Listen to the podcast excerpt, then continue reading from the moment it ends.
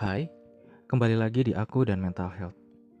Terima kasih bagi kalian yang masih ada di sini, tetap di sini mendengarkan episode dari Menghayati ataupun No Edit. Gimana kabar kalian? Semoga apa yang kalian inginkan, apa yang kalian harapkan, dan apa yang kalian perjuangkan bisa kalian raih dengan cara yang baik. Semoga rencana kalian dilancarkan dan setiap hambatan yang kalian rasakan bisa cepat dimudahkan dan hati kalian dikuatkan. Aku pengen cerita sebenarnya di episode kali ini karena aku tuh pengen banget bahas tentang uh, ketika kita berbicara tapi nggak dihargain atau nggak diakuin oleh orang yang kita ajak bicara. Aku tuh pernah ya dalam suatu kondisi bukan pernah lagi bahkan sering gitu. Ada fase uh, fase ini beda ya sama momen btw. Jadi kalau fase itu waktunya tuh lumayan panjang bisa hitungan tahun gitu. Kalau momen kan paling kayak kayak kita pernah dapat apa ya pengalaman apa gitu sekali dua kali. Tapi kalau fase ini itu kayak hampir pasti aku sering gitu ketika nyampein pendapat nggak diakui atau nggak dihargai. Aku pernah ada pada fase itu gitu bertahun-tahun di mana uh, aku tuh ditreat sebagai orang yang tidak bisa apa-apa ditreat sebagai orang yang bahkan dalam tanda kutip idiot karena aku tuh seperti dianggap remeh gitu. Setiap kata-kataku tuh ya nggak pernah berarti sesuatu terhadap orang atau circle yang saat itu ada di sekitarku. Kata-kataku sebagai dianggap sebagai kata-kata dari bocah kemarin sore. Kata-kataku terlepas dari apa pun isinya terlepas dari benar atau salah yang aku katakan dianggap bahwa jangan sok-sokan ngomong sesuatu yang baik atau sesuatu yang bagi mereka aku nggak sanggup nggak sanggup lagi. Aku nggak sanggup buat mikirin itu gitu bagi mereka. Kok bisa ya? Kita dianggap tidak layak untuk nyampein sesuatu bukan dari apa yang kita sampaikan tapi dari siapa kita kondisi apa yang saat itu ada di diri kita. Apakah kondisi di mana kita itu lebih muda daripada orang yang kita ajak ngobrol itu benar-benar membuktikan bahwa kita itu adalah orang yang nggak bisa berpikir gitu, nggak bisa memutuskan dengan baik dan nggak pantas memberikan pendapat. Dan apakah kalimat kemarin sore ini adalah kata-kata yang harus dipertahankan gitu sampai kapan pun? Nyatanya nggak pernah ada aturan yang bilang kalau kata-kata ah jangan kebanyakan ngomong kamu cuma anak kemarin sore. Anak kema kata-kata anak kemarin sore ini nggak ada loh aturannya buat diucapkan tapi selalu diucapkan. Dengan siapa pun itu dan biasanya identiknya uh, dilakukan atau diucapkan sama orang yang lebih tua atau orang yang lebih berpengalaman dibanding orang yang nyampein pendapat which is kita Padahal saat itu sering banget aku dengar dari orang yang menganggapku seperti itu, sering banget bilang kalau kita itu harus menyampaikan, nggak boleh malu, menyampaikan pendapat kita supaya orang lain tahu maksud kita. Tapi kenapa sangat sulit sekali untuk menemukan momen di mana kita bisa berbincang secara searah Kenapa harus aku ketika berbicara dengan orang tersebut harus memposisikan sebagai anak TK dengan seorang profesor S3? Kenapa harus seperti itu?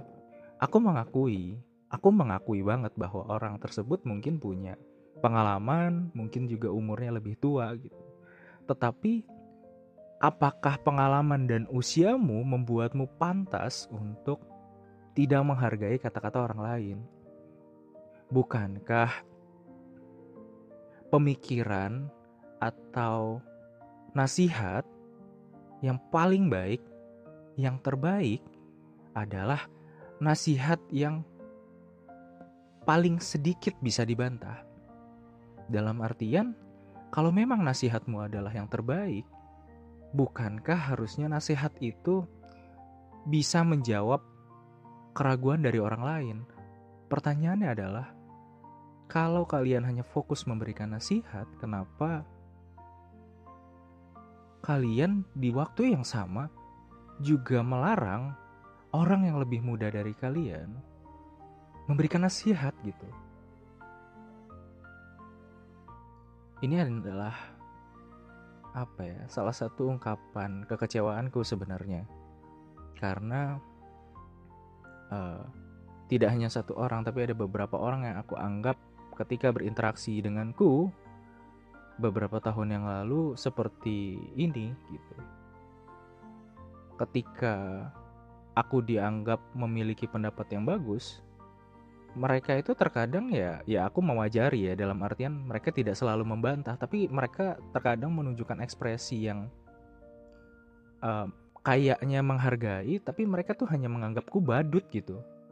Kayak seakan-akan mungkin ya yang ada di pikiran mereka aku mengatakan sesuatu yang udah ada di kepala mereka. Sehingga apa yang aku katakan itu sama dengan dari mereka.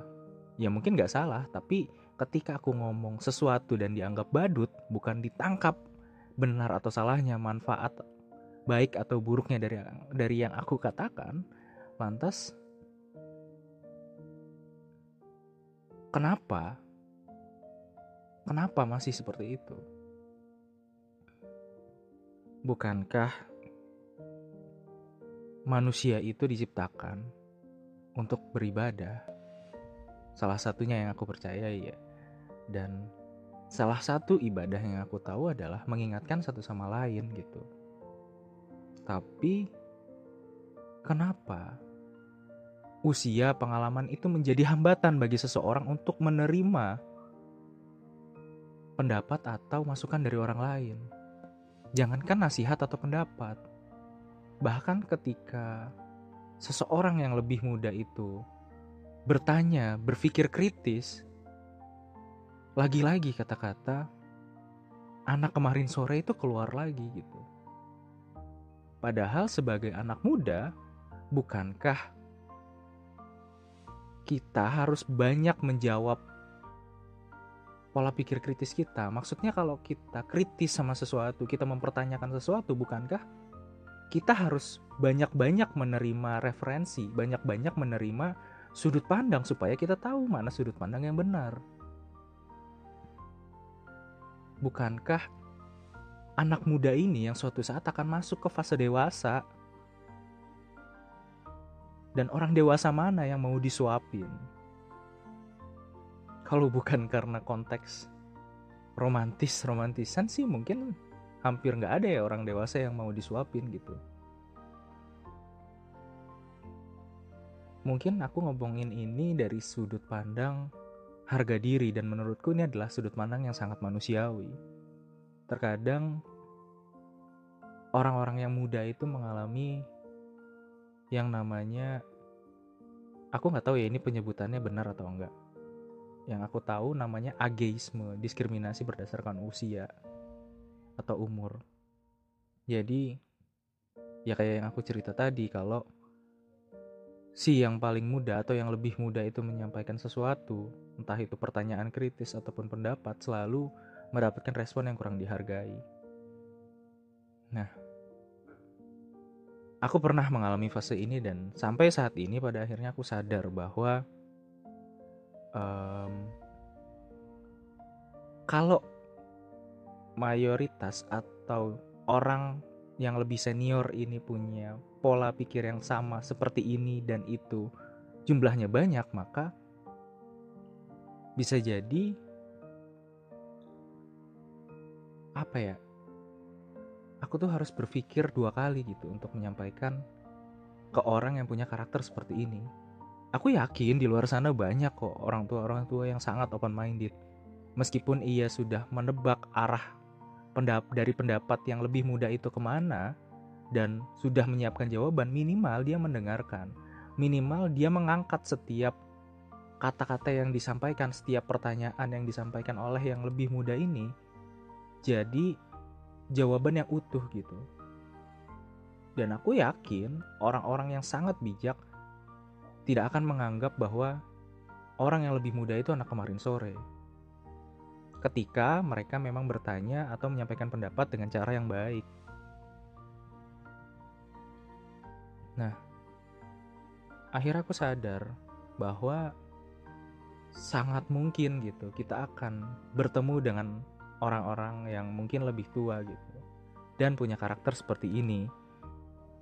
Tetapi bukan berarti kita harus menyerah dalam artian kita harus ikut untuk tidak menyampaikan pendapat, tidak mempertanyakan gitu. Karena karena itu fitrah kita sebagai anak muda. Karena kita mungkin perlu tahu banyak hal. Di sisi lain, kita harusnya memang mendapatkan ilmu, mendapatkan pengalaman, mendapatkan cerita-cerita yang bisa kita ambil pelajaran dari orang-orang yang lebih tua daripada kita.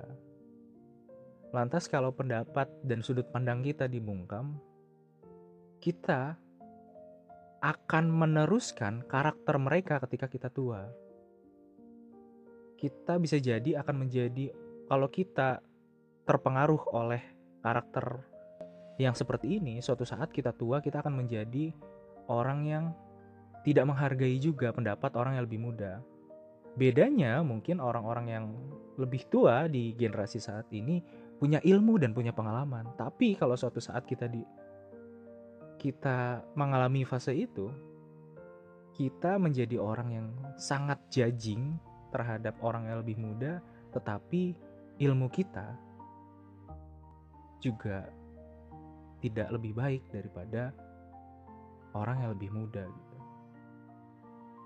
Makanya bagiku aku mulai merasakan pentingnya ilmu itu ketika aku sudah lulus dari segala macam jenjang pendidikan sampai saat ini gitu. Pentingnya ilmu itu ya ternyata ketika aku menemui banyak masalah atau ataupun konflik.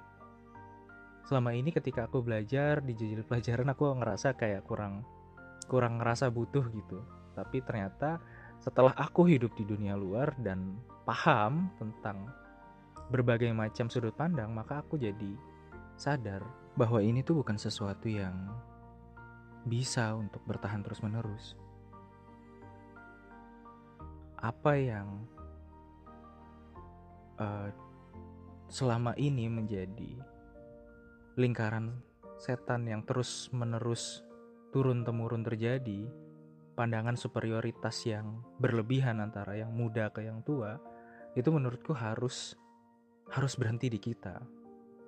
Dan dari muda ini kita harus mulai paham gitu, memegang sebuah prinsip sampai kita tua nanti bahwa kebenaran itu bisa berasal dari siapa pun.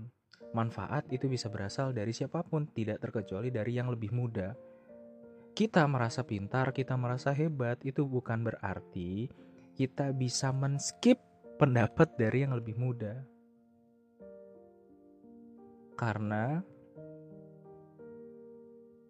kami yang muda perlu untuk tahu berbagai macam sudut pandang dari yang lebih tua. Sehingga sangat mungkin bagi kami untuk bertanya sesuatu yang bagi kalian sangat sederhana, tapi bagi kami bisa jadi itu tidak sederhana. Terima kasih bagi kalian yang sudah mendengarkan episode kali ini. Bye.